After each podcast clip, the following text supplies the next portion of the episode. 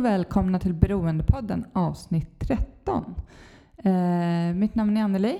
Eh, välkommen hit ni som är här för första gången. Kul att ni har hittat hit. Ni undrar säkert vad det är för en podcast och den här podden handlar om beroende, missbruk, psykisk ohälsa och medberoende.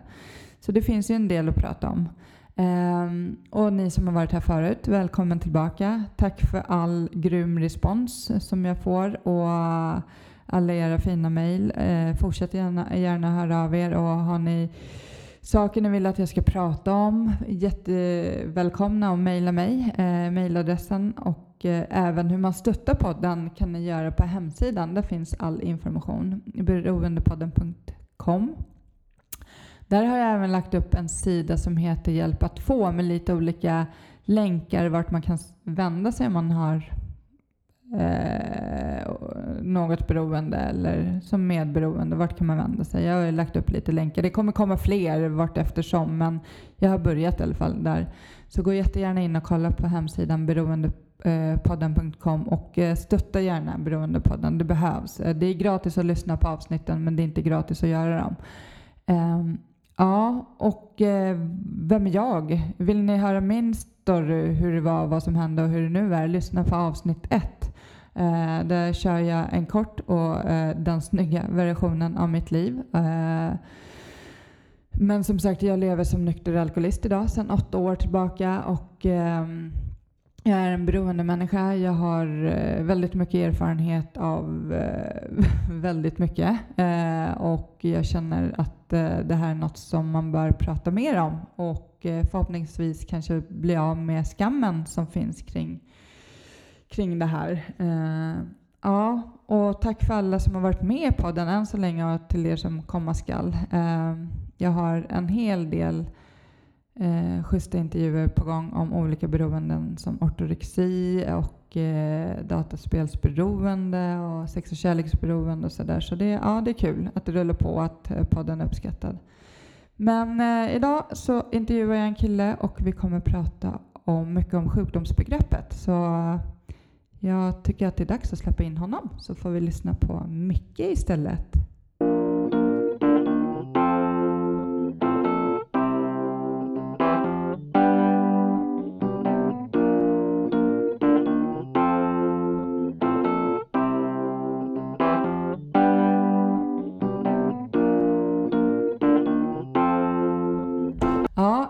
Välkommen, välkommen hit Micke Stridsberg. Tack. Ja, jag är superglad att ha med dig här. Att du vill vara med i Beroendepodden betyder enormt jättemycket för mm. mig.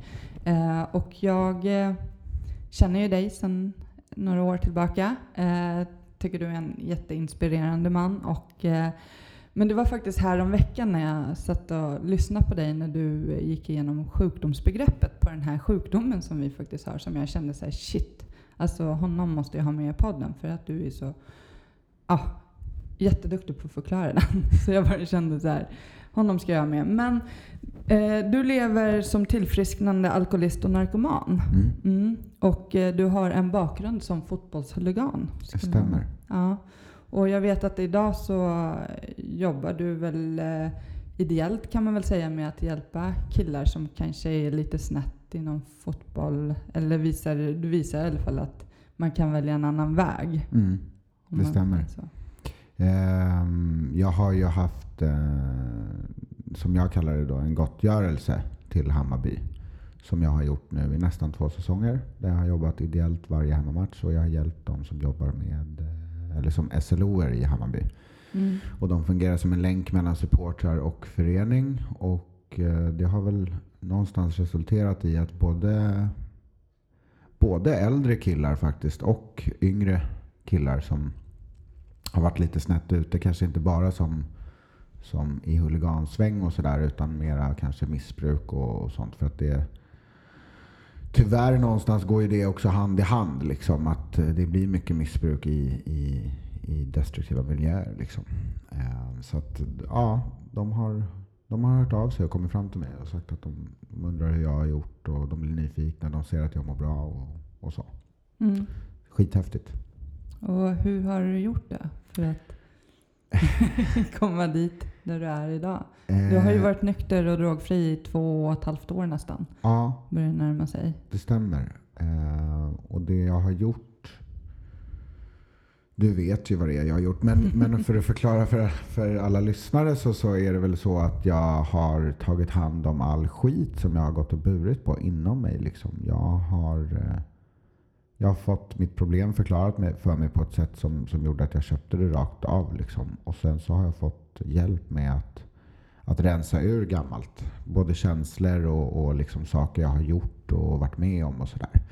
Eh, och det har gjort att jag mår väldigt, väldigt bra på insidan. Och då någonstans är problemet löst. Och då behöver jag inte alkohol och droger längre. Det finns liksom inget, inget behov överhuvudtaget av det faktiskt. Så, så det är inte så att jag går och krigar mot alkohol och droger och kämpar för att hålla mig nykter. Utan det flyter på.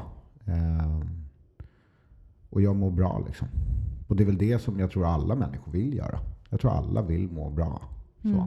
Sen har man olika strategier och man hittar olika grejer som får en att må bra. Men jag har hittat ett sätt som funkar för mig och det har funkat som ingenting annat har funkat. Jag har väldigt mycket förut letat lösningar på mina problem utanför mig själv och det har inte riktigt fungerat. Det har funkat korta stunder men sen så går jag tillbaks till mitt grundmående och det har varit extremt dåligt förr. Liksom.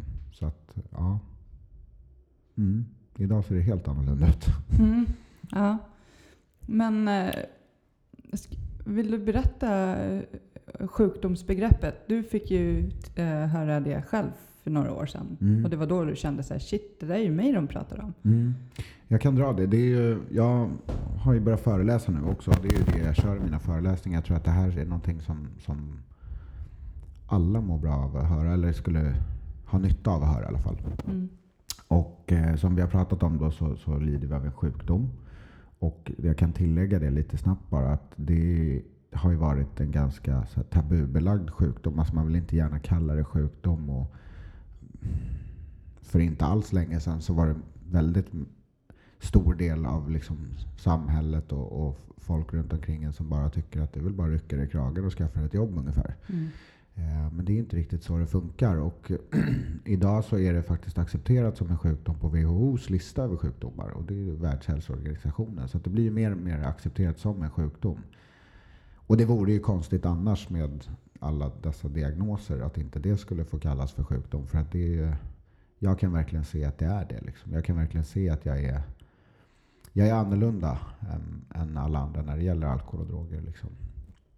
Och det man pratar om först och främst då är ju eh, en fysisk allergi. Eh, och det jag kan säga också är att det här, det här sjukdomsbegreppet kommer ju från folk med egna erfarenheter. Alltså de har ju spånat kring det här och liksom kommit fram till att ungefär så här ser det ut för mig. Och sen så har liksom läkare kommit in och någonstans skrivit under på det. Så här att ja, det där kan nog fan stämma att det verkligen är så där. Och, så att, så att, eh, ja. Eh, och den här fysiska allergin då, det, det är helt enkelt så att jag är allergisk mot allting som är sinnesförändrande. Alkohol, droger, sinnesförändrande mediciner, allt sånt. Så att idag så är det ju så att jag, jag tar ju inte liksom medicin om jag inte är döende. Så om de ska operera mig då kanske jag kan få morfin. Men annars så kommer jag undvika det i allra högsta grad. Um, Mm, allergier så då brukar man ju liksom känna så här, "Jaha, men då får man ju utslag eller liksom att man svullnar i halsen och så. Men, men det är ju inte det. Om man slår upp ordet allergi så är det egentligen bara en onormal fysisk reaktion. Jag reagerar annorlunda än vad andra gör på det här. Eh, och i mitt fall så är det alkohol och droger som vi pratar om då. Jag är allergisk mot andra saker också, grönmögel och ja, lite sånt. Men det är ju helt andra symptom på det. Eh, mitt symptom på alkohol och droger är att det föds ett mer begär. Alltså att jag fysiskt, fysiskt så händer det någonting i min kropp som gör att jag måste ha mer. Och kan inte tänka på någonting annat än att få i mig nästa och nästa och nästa. Och, och det är ju liksom ett, ett, ett begär som är nästintill övernaturligt. Alltså det, jag har jättemycket kompisar som, som eh, kan säga så här, ja, men vi ska gå ut och ta en öl och så blir det inte en öl. Utan det blir fyra, fem öl eller det blir åtta, nio öl. Men där någonstans så är de ganska nöjda. De, börjar bli fulla eller blir fulla och sen så är kvällen ganska bra för dem. Och så åker de hem liksom. Och så vaknar de upp dagen efter lite bakis men det är lugnt liksom. Så ser det inte ut för mig utan det är väl mer så här att ju mer jag dricker desto törstigare blir jag. Och ju mer jag snortar desto mer vill jag ha liksom. Um, och det händer egentligen. Det sätter igång så fort jag börjar känna lite effekt liksom. Så vill jag bara mer och mer och mer och mer och mer. Och, mer. och jag kan aldrig kontrollera mängden. Liksom. Eller väldigt, väldigt sällan kontrollera mängden på det jag stoppar i mig. Eller vad jag stoppar i mig egentligen. När jag blir påverkad så kan det hända att jag stoppar i mig vad som helst som jag inte ens tycker om. Bara för att jag tror att jag kanske får ännu mer effekt. Liksom. Eh, så att, så att eh, merbegäret sätter igång direkt när jag, när jag dricker en öl eller röker en joint eller vad det nu kan vara för någonting jag gjorde förr i tiden. Så. Eh, och det slutar oftast med att jag stoppar i mig det jag tycker om. Mina huvuddroger var väl egentligen cannabis och kokain. Och, och även alkohol då sådär. Eh, det började ofta med alkohol och sen så, så blev jag sugen på kokain. Liksom. Eller amfetamin om det inte fanns kokain. Men där någonstans så blev det nästan alltid katastrof. Så. Eh, det slutade aldrig så som jag hade tänkt jag hade någon tanke innan jag började dricka eller innan jag började ta någonting. Att ja, men ungefär så här kommer kvällen sluta. Jag hade någon idé liksom om hur det skulle se ut. Och det blev väldigt, väldigt sällan så. Det blev väldigt ofta på något helt annat sätt som jag absolut inte ville. Liksom. Eh, och oftast så blev det vad jag skulle kalla en katastrof. Och vad många runt omkring mig skulle kalla en katastrof också. Eh, jag vaknade upp på platser som jag inte ville vara på i häkten och sådär. Hamnade liksom på fester med folk som är, som är psykopater och så här, man, ja, som jag inte alls hade tänkt från början. Då. Och eh, det här förstod jag också efter ett tag. Liksom, att det, det, det blir något knas när jag dricker och knarkar. Liksom. Eh, men jag kunde inte sluta ändå. Och det kommer jag komma in på alldeles strax varför. det man mer kan säga om den här fysiska allergin då, det är att eh, den är progressiv. Alltså att det blir värre och värre. Så att jag, det var inte så när jag var 14-15. Det blev inte katastrof varje gång då. Även om det blev det ganska ofta då. Men det, det har blivit värre och värre och värre och värre. Liksom. Ehm, och jag dricker och knarkar oftare och oftare. Liksom, för, så, tills det var varje dag, hela tiden, så ofta jag kunde. Liksom. Ehm, I början så började jag väl, liksom, jag började väl med att dricka någon gång sådär. Och, och höll mig till helgerna och längtade alltid till nästa helg liksom, där man kunde bli full igen. Och det var inte det, alltså, det, var inte det mina kompisar de flesta var nog inte lika liksom, maniska på att bli fulla utan det var mer att festa och ha kul. Liksom. Jag var nog ganska så manisk från början på att bli full. Och blev nästan alltid fullast. Och hamnade i slagsmål och så vidare. Och så där hade väl egentligen ganska sällan kul om du, om du tittar på det utifrån. Så jag tyckte ju det, men det är ju av en helt annan anledning som jag kommer komma in på lite senare också. Um, och eh, man ska också säga att den är kronisk, den delen av sjukdomen. Att jag kommer aldrig inte bli allergisk. Det, det finns ju inget sätt för en jordnötsallergiker att lära sig att äta jordnötter, utan det är liksom bara avstå. Punkt slut. Eh, och som det ser ut idag i alla fall så har de inte kommit på något botemedel för den typen av allergi. Utan är man allergisk så är det bara att undvika det.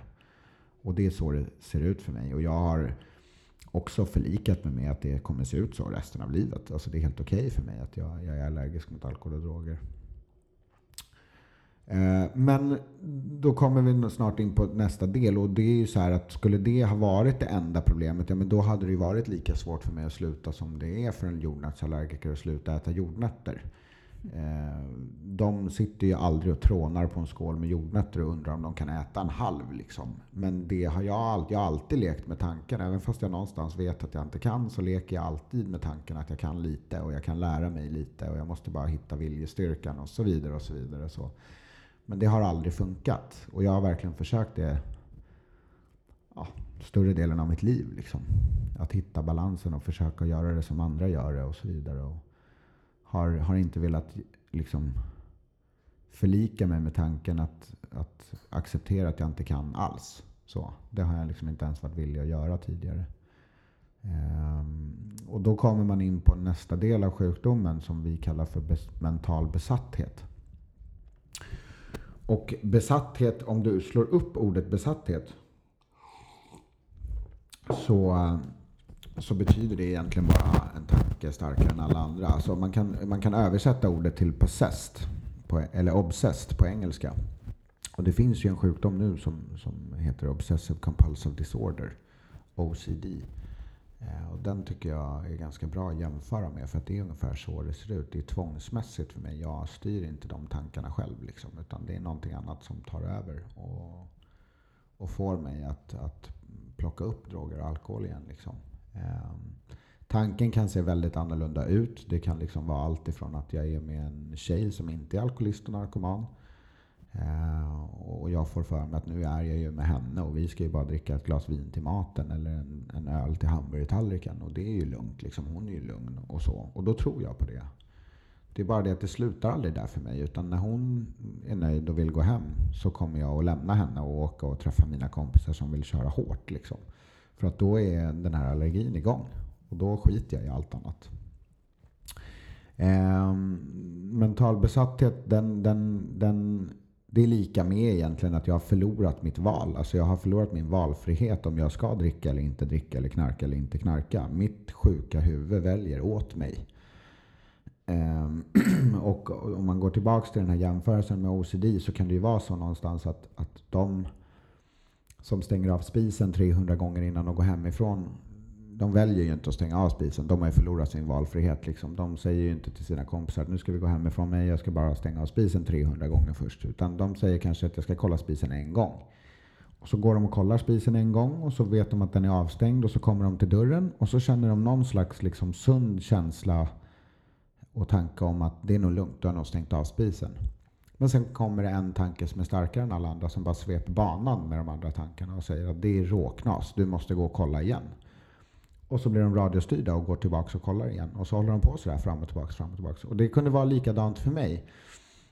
Jag kunde ganska ofta på slutet känna innan jag för liksom eh, första ölen till munnen att det här är nog ingen bra idé. Det här kommer nog inte sluta så bra. Och sen kom den här tanken som är starkare än alla andra som säger att men det är lugnt, du är med Anna ikväll, ni kommer ju bara dricka en öl till hamburgertallriken. Och den tanken tror jag på. Så att det, den här mentalbesattheten betyder ju också att jag kan inte längre skilja mellan sanning och lögn. Alltså sanning blir lögn och lögn blir sanning för mig. Det, blir liksom bara, det flyter ihop och jag kan inte utskilja vad som är vad. Och mitt huvud gör valet åt mig. Liksom. Och det är väl den här delen som är så svårt för människor runt omkring mig att förstå. Som inte har den här sjukdomen. Mamma till exempel liksom, varför gjorde du sådär igen? Du vet ju att det blir knas. Mm. Liksom. Var, hur, och sådär. Och jag liksom, vissa perioder i mitt liv varit nykter någon sån här längre period liksom, och hållit mig, krigat mig liksom, så nykter. Och, och sen plockat upp igen. För att den här tanken till slut kommer och den är oövervinnlig för mig.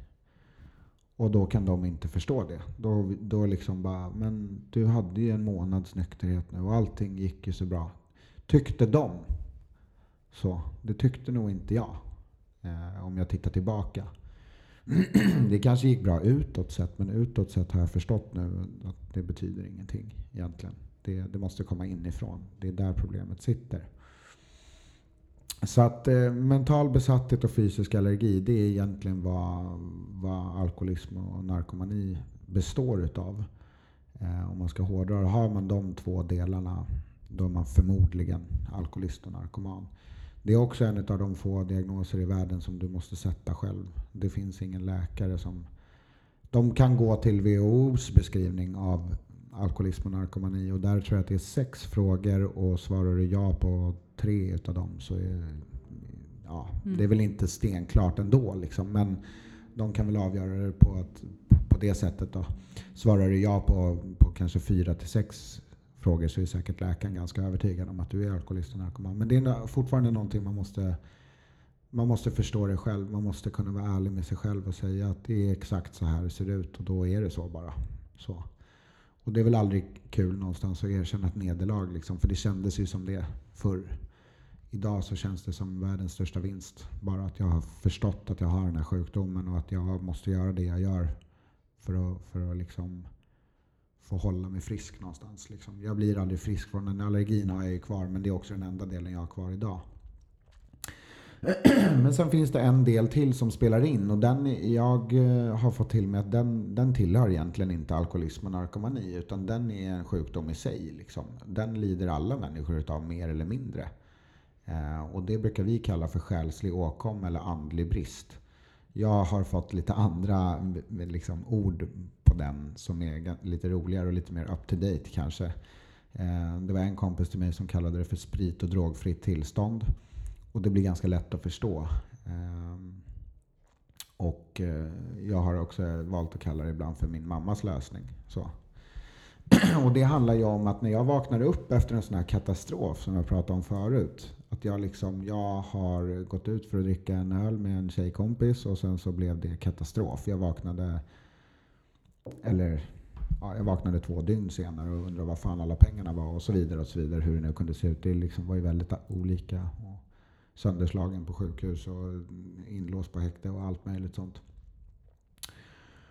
Och kände liksom så här att aldrig mer. Nu är det nog. Så, nu har jag förstått att jag inte kan och jag orkar inte mer och nu ska jag fan vara nykter. Och när jag sa det så hade du kunnat satt en lögndetektor på mig. Jag menade aldrig mer. Jag hade passerat med, med, med glans liksom.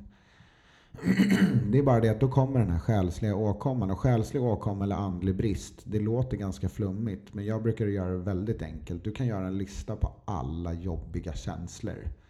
Eh, som du kan komma på. Allt ifrån depression, självömkan, ångest, harm, alltså ilska. Rädsla, skam, skuld och så vidare. och så vidare. Den där listan kan göras jättelång. Så. Det bubblar upp i mig direkt när jag liksom inte har några substanser i kroppen. Ganska så omgående så börjar det här liksom att bubbla i mig. Och det är oftast hela den här listan på en gång. Så, det är oftast depression, ångest, ilska, rädsla, skam, skuld. Allt på en gång. Som ett stort svart hål i någonstans i magtrakten som bara äter upp mig inifrån. Liksom. Och jag har valt att, att, att, tro att det är att jag inte mår något bra i själen. Liksom. Eh, min själ får ingen ro för att den går och bär på allt det här skiten. Liksom. Ehm, och egentligen så är det så jävla enkelt att det här är mitt problem. Ehm, jag, eh, jag börjar må så här och eh, jag vet någonstans om att det är jobbigt att vara nykter och drogfri för jag har försökt många gånger. Så att förr så, så började jag alltid hitta strategier för att må bättre utan alkohol och droger. Liksom. Och då letade jag alltid som sagt strategier utanför mig själv. Eh, skaffa ett jobb, tjäna pengar. Eh, skaffa en relation. En tjej som är bra, som kan hålla mig i strypkoppel och hålla mig hemma och nykter. Eh, bostad, flytta från Stockholm, vad det nu kan vara för lösning jag hade. Liksom. Och det har funnits tillfällen i mitt tidigare liv där jag liksom har löst allt. Så. Jag satte upp alla de här olika, olika problemen som mitt problem. Att bara om jag löser bara de här grejerna så kommer jag kunna vara nykter och drogfri och jag kommer må bra. Liksom. Och så har jag gjort det och tränat och sånt där. Så jag har liksom skaffat gymkort, skaffat tjej, skaffat, kanske flyttat in hos henne då oftast. Så, mm. Men då har jag ändå en bostad och så fått ett jobb. Då har jag liksom löst alla de här problemen som jag trodde var lösningen. Men jag har inte kunnat hålla mig nykter och drogfri ändå. Så. Eh, det här är ungefär, jag brukar säga att det är ungefär samma taktik som att du har virus på din dator och du går och köper en ny skärm och ett nytt tangentbord och en ny mus. Men det är liksom inte det som är problemet. Utan jag har virus i mig liksom och jag jag behöver lösa det. Och utåt sett så tror jag att jag, jag uppfattas som rastlös, missnöjd eh, och lättirriterad. Eller fett irriterad ganska ofta. Så. Eh, och, och i de här lägena så har jag gjort ibland värre saker än vad jag gjort när jag varit full och påtänd. För att jag, är, jag går runt som en jävla tickande bomb. Jag går runt och bär på allt det här och kan liksom inte... Jag, jag kan inte koncentrera mig på mitt jobb. Jag kan inte vara närvarande i min relation. Jag kan inte... Jag stör mig. Alltså jag är väldigt sådär... Ja, känslig för saker och ting. Och kan liksom eh, tänka helt sjuka tankar kan bli så jävla lack för ingenting. Liksom. Folk står på vänster sida i rulltrappan. Hur fan kan man vara så jävla idiotisk som man gör något så dumt? Så, här, så att jag, han förtjänar att kastas ner för rulltrappan. Alltså sådana här jättesjuka tankar liksom. Och många av dem har jag inte agerat på, men vissa av de där tankarna har jag agerat på. Liksom. Jag har klappat på folk till, till höger och vänster i, i, i mitt förflutna som absolut inte förtjänade det och som jag ångrade mig direkt efter. Liksom. Ehm, och det här stadiet, när jag går runt i, i, i det här dåliga måendet, som verkligen är extremt dåligt mående, det är helt o, ohanterligt för mig. Ehm, jag kan lägga till här också att den vanligaste dödsorsaken bland alkoholister och narkomaner, det är självmord. Inte överdoser eller drograttfyller eller allt annat man kan dö av i den sjukdomen. Liksom. Utan det är självmord för att de flesta har det här. Mm. Eh, och oavsett om de är nyktra eller inte så gör det sig hela tiden påmint. Och det är... Jag vet inte hur jag ska egentligen förklara det för någon som inte har upplevt det själv. Men det är väl som den absolut... Är det är som den värsta depressionen du kan tänka dig fast tio resor värre. Liksom, för att du har allt det andra på en gång också. Så att det går liksom inte ens att beskriva hur, hur dåligt man mår. Och man, när man är i det så, så kommer det liksom, för mig då i alla fall, självmordstankar ganska ofta. så. Sen har jag alltid varit både för rädd för att ta livet av mig själv och, och tyckt att det, så kan jag inte göra mot mina nära och kära. Alltså så här, jag tyckte att det har varit för själviskt. Men jag har full förståelse för många som har gjort det. Liksom, för att jag vet hur dåligt man kan må. Och eh, det här snurrar runt. alltså de här mm, två delarna som tillhör alkoholism och narkomani plus det själsliga. Alltså i det här snurrar jag runt och kan inte bryta det varvet av egen kraft. Liksom. Eh, jag försöker kriga, hela tiden tidigare så har jag försökt kriga mot den här tanken. Att jag har trott att det handlar om viljestyrka. Och jag har har liksom bara försökt vara i det här dåliga måendet och kriga mot tanken som är starkare än alla andra tankar. Vilket säger sig självt att det går inte. Så jag har hela tiden plockat upp igen. Och så blir det katastrof igen. Och så går jag igenom det här varvet igen och igen och igen och igen. Och det spelar ingen roll om jag är i en relation eller om jag är utanför en relation eller om jag är på ett jobb eller inte ett jobb eller vart jag är i livet utåt sett. Jag snurrar runt i det här hur fan jag än gör liksom. Och kan inte bryta det av egen kraft. Eh, och det är väl egentligen det jag har. Alltså det är sjukdomen för mig. Så ser den ut. Liksom. Jag är totalt kraftlös att bryta det här varvet själv. Eh, och det här själsliga, jag, vi pratade lite om det här innan vi satte på mickarna. Liksom, att jag, jag har varit fotbollshuligan och så vidare. och så där. Och det har ju varit ett ganska bra sätt för mig att hålla bort det själsliga. Det är alltid lättare att vara arg än att vara ledsen, besviken, rädd, liten, svag och så vidare. Jag har alltid haft svårt att visa den typen av känslor. Även om jag har haft dem någonstans där inne. Liksom. Så har jag inte... Jag har någonstans valt att skjuta undan dem ganska fort och ersätta dem med ilska. Ehm, jag hamnade ganska tidigt i kretsar där det är en tuff jargong. Det är hård miljö liksom. Och har trott att här kan man inte visa sådana känslor för då blir man uppkäkad. Och jag vet alltså idag inte om det stämmer, ärligt talat. Jag har hört, jag har hört många andra före detta kriminella och så vidare som säger att man, att man måste vara så. Jag vet inte om det stämmer för att det är ingen som har vågat att testa heller. Det är ingen som vågar att testa och visa och, och liksom andra typer av känslor i de sammanhangen heller jag kunde inte hålla tillbaka känslorna i slutet. Det blev... Eh, de bubblade upp. Liksom, och jag kunde inte stänga av dem. Eh, jag, jag, vet att eh, sista året i det aktiva så började jag liksom störtböla framför MC-gängsmedlemmar och så vidare. Så att där, det gick någonstans inte att hålla tillbaka. längre. Jag var väldigt ledsen och jag var väldigt eh, trasig. Liksom. Eh, och jag vet att de dömde inte ut mig för det. Alltså tvärtom. Jag fick ganska mycket respekt för att jag visade det. Sådär. Och stöttning och de började berätta om hur de egentligen mår och så mm. vidare. och Så vidare. Så jag vet inte om det där stämmer med att man måste vara hård hela tiden och så. Men jag har i alla fall tidigare trott det. Och man får absolut inte visa sig rädd. Så har jag trott. Liksom. Eh, men i själva verket så är det ju så att den största rädslan jag har haft, det har varit vad andra ska tycka om mig. Så. Eh, jag byggde ganska tidigt upp ett namn i nära kretsar och kanske också ibland kretsar utanför dem.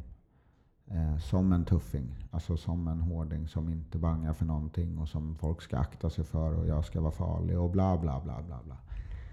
Ehm, och till slut så, så, så föregår ju ryktet en. Alltså det börjar gå rykten om en och, och, folk har hört om en på andra sidan stan och så vidare. Och det ryktet har ju varit det jag har varit rädd för att mista någonstans. Jag har ju liksom varit livrädd för vad andra ska tycka om mig om jag inte är den där tuffingen. Om jag är, alltså, ja, I alla lägen helt enkelt rädd för vad andra ska tycka om mig. Bara. Jag vill bara bli accepterad och, och omtyckt. Liksom. Haft ett väldigt konstigt sätt att visa det på.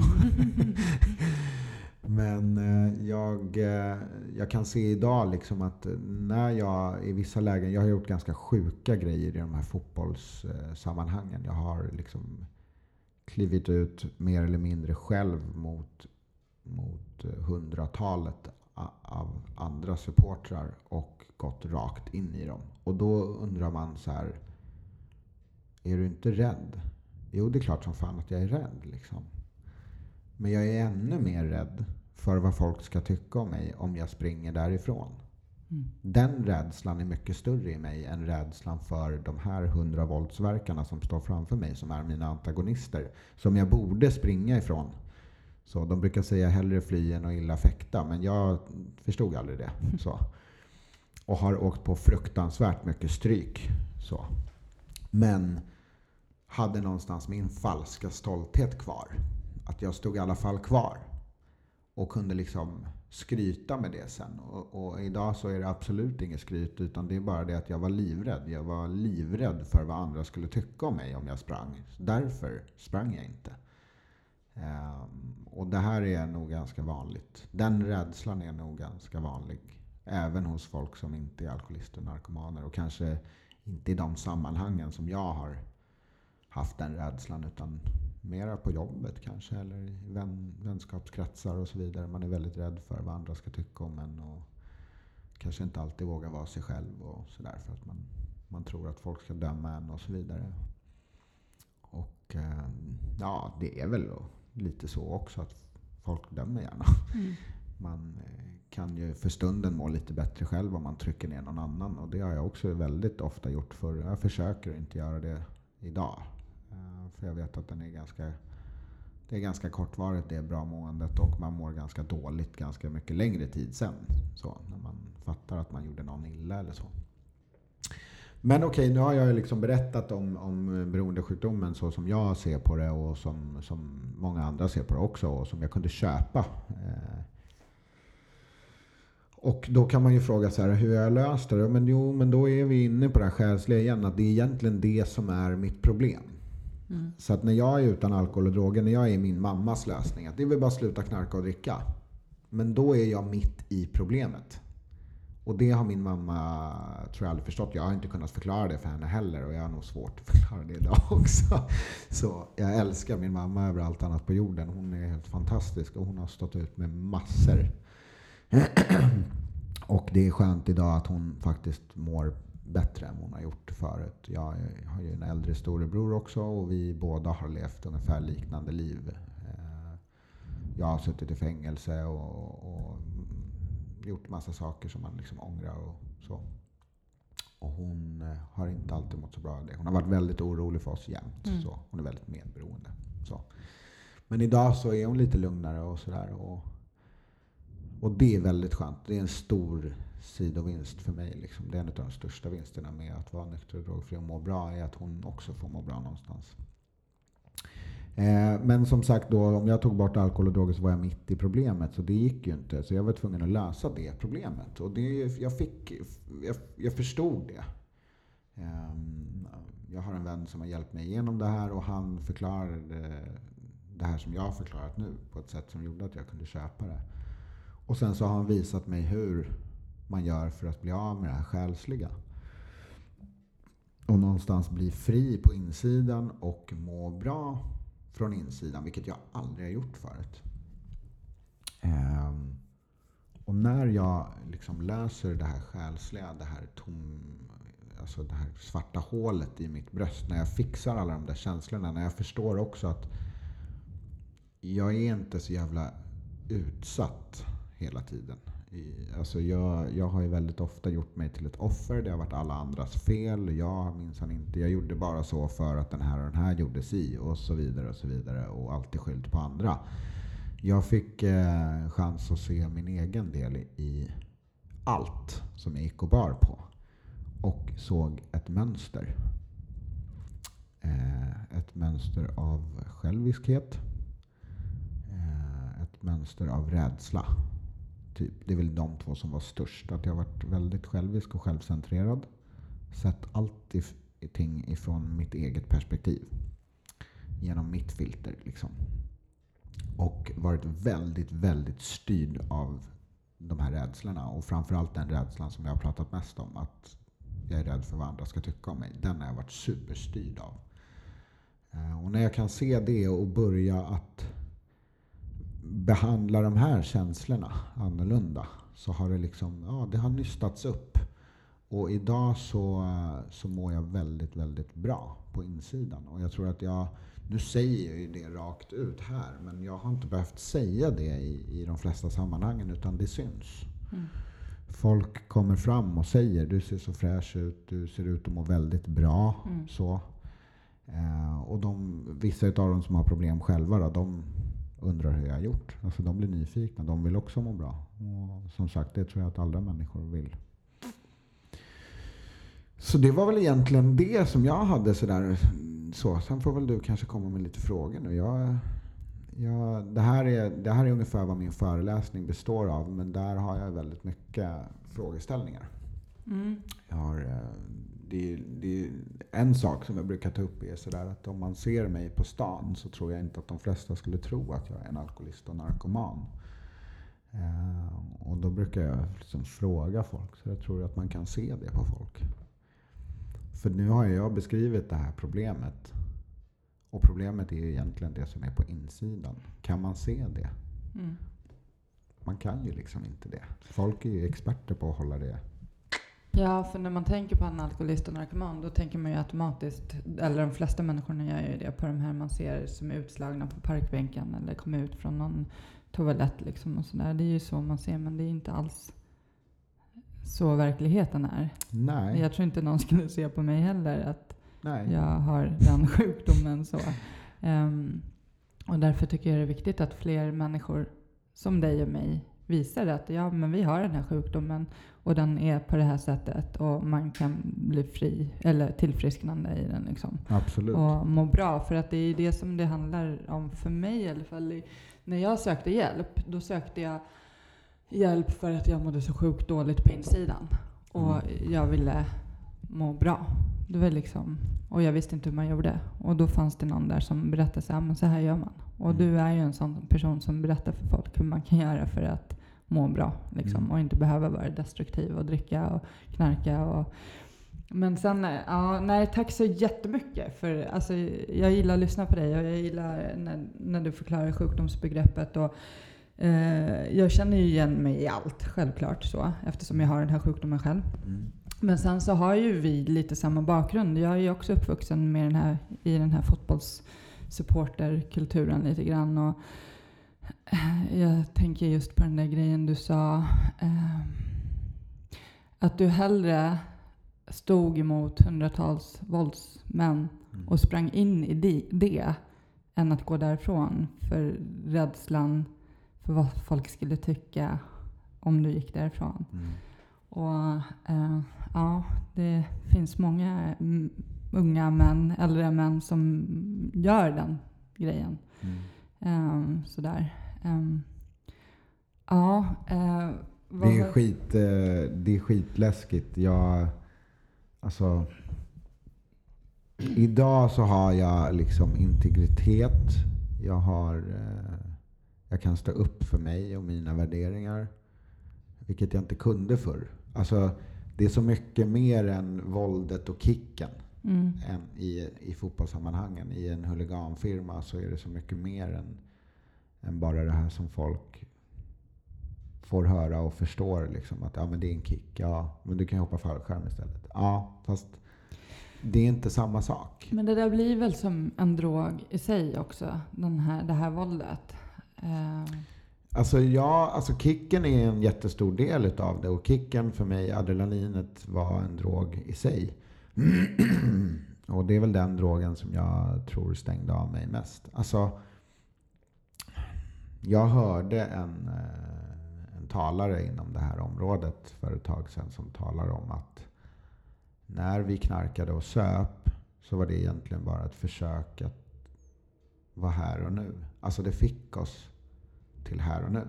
Det stängde av känslor, det stängde av oro för framtiden, det stängde av minnen från förr och så vidare. Vi blev ganska mycket här och nu.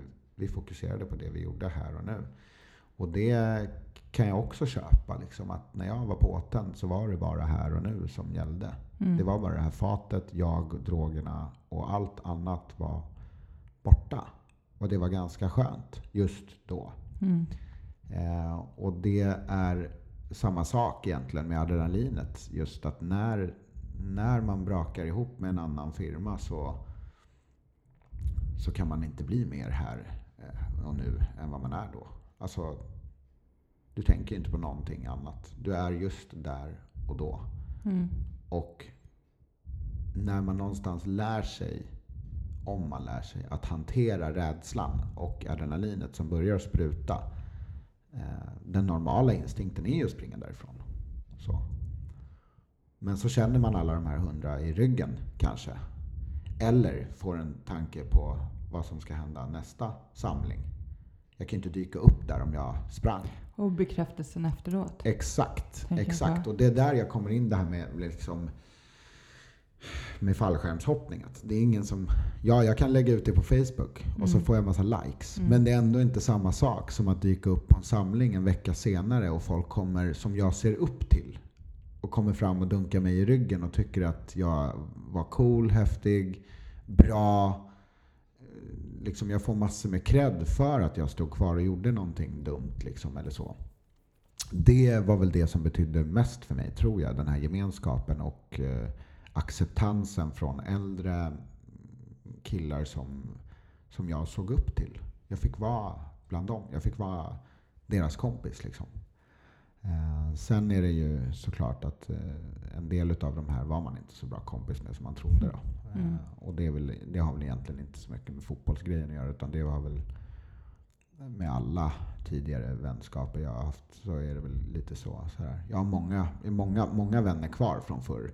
Men det är många som har trillat bort också. Och det, det är naturligt tror jag. Man har inte samma, samma intresse och samma utbyte av varandra längre. Utan man har kanske bara en sak gemensamt och det var en stor destruktivitet. Liksom. Mm, Eh, Men idag så är jag ju, jag har ju liksom inga ovänner bland mina gamla huliganer och så vidare. Utan jag, jag kan komma och säga hej och det, det, det känns som att det finns, det finns en respekt hos många.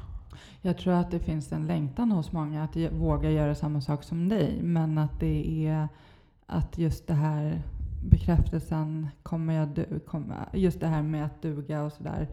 För att eh, den erfarenheten, alltså jag tänker, jag har ju också umgåtts i de kretsarna och, och det är ju tyvärr väldigt många som mår väldigt dåligt och Mm. sådär. Och, och ta sig ur det där är inte det lättaste. Jag tror att Det de flesta, de allra, allra flesta som är med i sådana sammanhang lider av den här själsliga Mm. delen.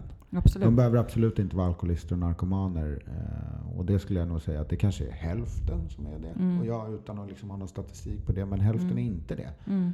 Hälften av, hälften av dem har annan typ av problematik men Mm. har hittat sin lösning på det i det där. Mm. Ja, och det kan funka ett tag. I början, de första åren funkade det verkligen för mig. Alltså, jag skulle kunna sitta och säga att det är bara piss och skit med droger, alkohol och våld och allt sånt. Men det har ju varit min lösning. För det löste verkligen mitt problem förr. Mm. Annars hade jag liksom inte blivit så fast i det som jag blev.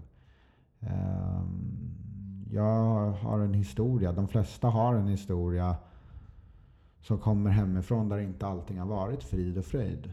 Utan att gå in på detaljer i min liksom, så, så har det inte alltid varit guld och gröna skogar. Liksom. Och vissa av de där sakerna tar man med sig i barndomen och, och, och, och, och börjar utveckla det här själsliga genom att man till exempel började tidigt ljuga.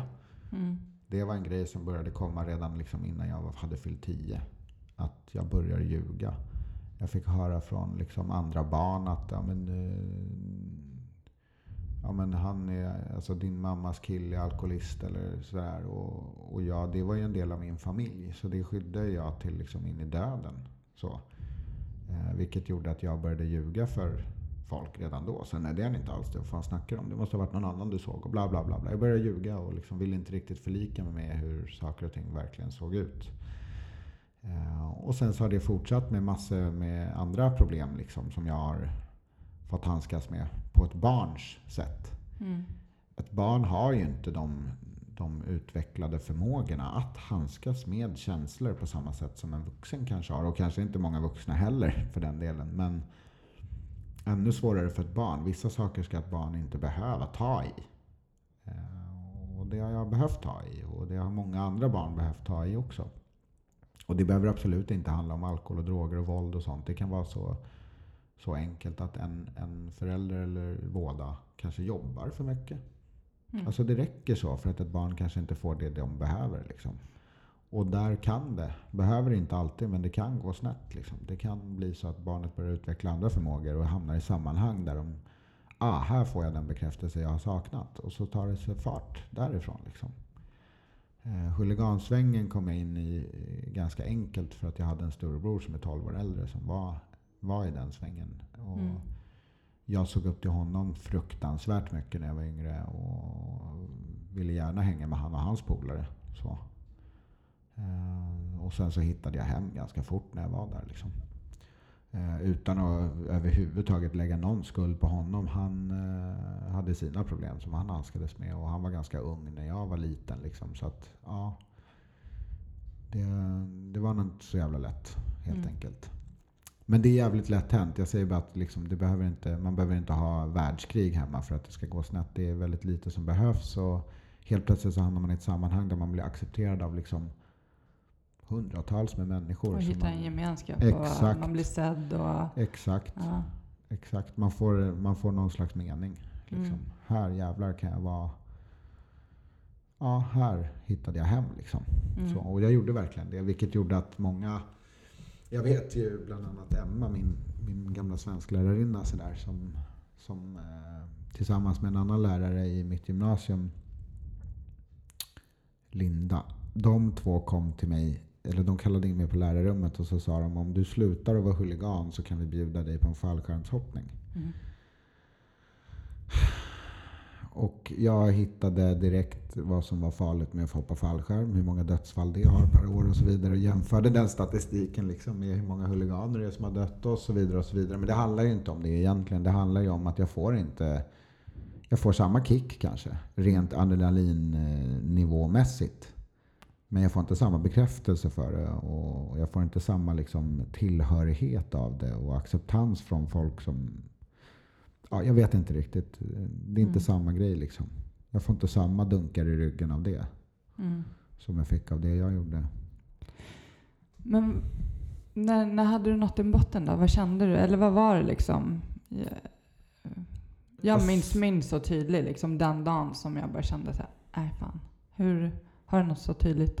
Ja, alltså jag har ju det jag pratade om förut, där mitt sista år, kanske till och med ett, ett och ett halvt, två åren i missbruket, så hade det blivit väldigt destruktivt. Jag, jag hängde ganska mycket med folk från MC-världen och, och sådär. Och mådde riktigt piss och skit. Hade satt mig i skiten utåt sett också med mycket skulder och ingen bostad. Och, um, min tjej hade lämnat mig under den perioden och sådär. Och det var stökigt liksom. Och jag mådde riktigt, riktigt, riktigt, riktigt dåligt. Vilket gjorde att jag liksom började gråta framför tuffingar. Så. Mm. och um, där någonstans så började jag känna att eh, dels det här med att jag inte kan hålla tillbaks känslorna, det blev väldigt jobbigt. Och dessutom så började jag känna mig fake. Jag började känna att det här är inte jag. Jag sitter och spelar mangas, som man mm. säger. Liksom. Jag spelar tuff. Jag är inte så tuff. Så. Och det blev väldigt jobbigt att handskas med. Jag kände mig väldigt fake. Liksom. Jag kände så att när som helst så blev jag synad på något sätt. Fast ja, det hade jag ju redan blivit. Men det var någon konstig känsla av att det här håller nog inte riktigt så länge till. Och ett tag så var jag på väg att gå med i ett MC-gäng med tanken att dö. Det var liksom bara ett sätt att få dö med, kanske go out with a bang. Liksom. Så här, ja, men jag sätter på mig en tröja och så skjuter jag någon och så måste de skjuta mig och så är jag död sen. Vad skönt. Liksom. Mm. Och jag stod framför folk som drog kniv och sa hugg då, du gör mig en tjänst. Liksom. Jag ville dö. Alltså, men men eh,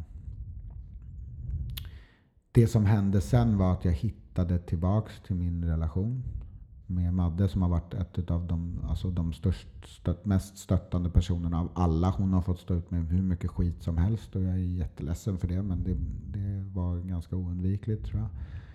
Ehm, men jag har jättemycket att tacka för henne. Alltså tacka henne för. Hon, hon någonstans födde en livsgnista igen. Att jag ville leva lite mer än vad jag ville dö. Mm. Liksom. Mm. Och så började jag ta mig lite mer i kragen och sen så Sen slutade alltihop med att jag, alltså under tiden så mådde jag inte särskilt bra, men jag försökte. Jag försökte verkligen. Jag försökte och försökte och försökte. Och sen till slut så åkte vi på en semester. Och jag hade hört liksom om den här sjukdomen förut och så vidare. Och liksom varit nykter en period förut i mitt liv. Så jag visste någonstans lite vad det gick ut på. Sådär. Och jag visste vad sjukdomen innebar. Liksom. Och jag började väl misstänka att jag faktiskt har den igen. Så.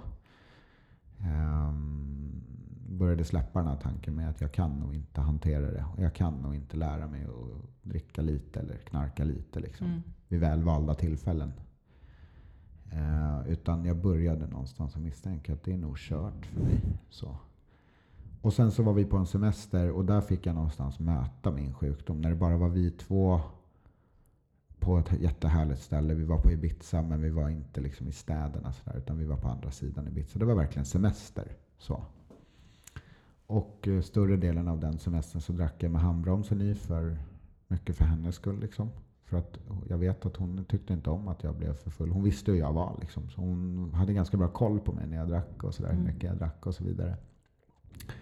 Och det, var, det är ju det jobbigaste som finns för en alkoholist och narkoman som bara vill hälla i sig och bara köra loss. Liksom. Så får man inte det, utan man får liksom bara hålla sig i schack. Sådär. Så att det, var, det funkade mesta delen av den där semestern för att jag hade saker att göra. Det var aktiviteter på dagarna, jag spelade fotboll och jag dök i poolen och så vidare. och Så vidare och så vidare. Så då, då funkade det. Det var knepigt men det gick ändå. Sen på slutet, de sista typ två dagarna, då tappade jag det helt. Jag blev dyngrak, jag spydde ner hela hotellrummet och liksom uh, gjorde massa skit. Så, och jag förstod verkligen där att så här, shit, det är kört. Mm. Jag kan inte det här. Jag vet inte hur man gör. Och jag kommer aldrig lära mig det. Liksom. Och där gav jag upp. Och sen så när vi åkte hem, den, det datumet är 21 maj 2013 blir det. Ja, det måste det bli. Två, nej, 2014. Förlåt. Mm. 21 maj 2014. Det blev min första nyktra dag. Så att eh, direkt när jag kom hem dagen efter så gick jag på, eh, på ett möte. Och hittade folk som ville hjälpa mig och eh, tog emot den hjälpen med öppna armar. Och typ sen dess har jag mått jävligt bra. Ganska enkelt uttryckt. Det händer saker i livet fortfarande. Det är, jag tror att jag har något jävla rekord nu i, i kompisar och bekanta som har dött. Alltså jag tror att det är sex eller sju stycken på ett och ett halvt år som har eh, gått bort. Och nästan alla i den här sjukdomen. Eller ja, om det inte är alla faktiskt. Eh, och det är ju inte kul. Och jag kan ju inte säga att jag mår skitbra på en begravning. Liksom. Absolut mm. inte. Jag, jag har mått dåligt vissa stunder under den här tiden som jag varit nykter och drogfri. Men det har varit hanterligt. Det har varit ganska så korta stunder och det har varit på ett ganska så normalt sätt tror jag. Att så här, alla blir ledsna ibland. Alla mm. blir liksom... Jo men liv, livet är ju livet. Och, eh, det du har lärt dig det är att hantera livet. Fastän mm. det gör ont ibland. Alltså, så är det ju. Mm. Saker händer ju som är jobbiga. Men där är jag lite sådär, ja ah, okej okay, jag har verktyg för att hantera livet men jag kan fortfarande inte hantera livet. Mm det, det, är jag ganska rädd för att tro. För att då börjar jag göra på mitt sätt igen.